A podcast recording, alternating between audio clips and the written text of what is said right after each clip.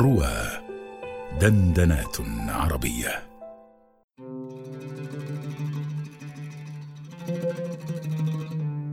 قال أبو الحسن المدايني خرج الحسن والحسين رضي الله عنهما وعبد الله بن جعفر حجاجا ففاتتهم أثقالهم فجاعوا وعطشوا فمروا بعجوز في خباء لها فقال لها أحدهم هل من شراب؟ قالت نعم. فاناخوا إليها وليس لها إلا شويهة في كسر الخيمة. فقالت احلبوها وامتذقوا لبنها. ففعلوا. ثم قالوا لها هل من طعام؟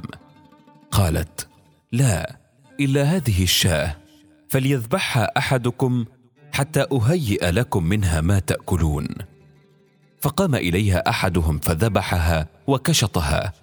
ثم هيأت لهم طعاما فأكلوا وأقاموا حتى أبردوا. فلما ارتحلوا قالوا لها نحن نفر من قريش نريد هذا الوجه. فإذا رجعنا سالمين فالمي بنا فإنا صانعون إليك خيرا. ثم ارتحلوا. وأقبل زوجها فأخبرته بخبر القوم والشاه. فغضب وقال ويحك تذبحين شاتي لقوم لا تعرفينهم. ثم تقولين نفر من قريش. ثم بعد مدة ألجأتهما الحاجة إلى دخول المدينة فدخلاها وجعل ينقلان البعر ويبيعانه ويعيشان بثمنه.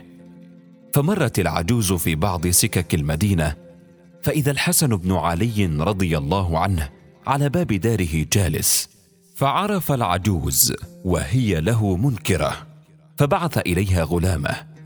فدعا بها فقال لها يا أمة الله أتعرفينني؟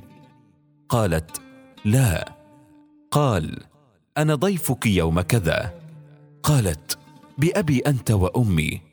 ثم أمر فاشترى لها من شاء الصدقة ألف شاة وأمر لها معها بألف دينار وبعث بها مع غلامه إلى الحسين رضي الله عنه.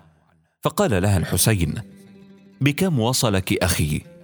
قالت بألف شاة وألف دينار. فأمر لها الحسين أيضا بمثل ذلك. ثم بعث بها مع غلامه إلى عبد الله بن جعفر.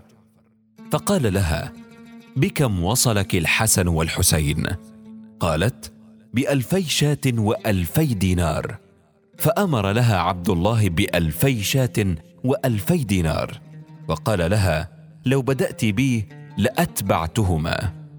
فرجعت العجوز إلى زوجها بأربعة آلاف دينار وأربعة آلاف شاه.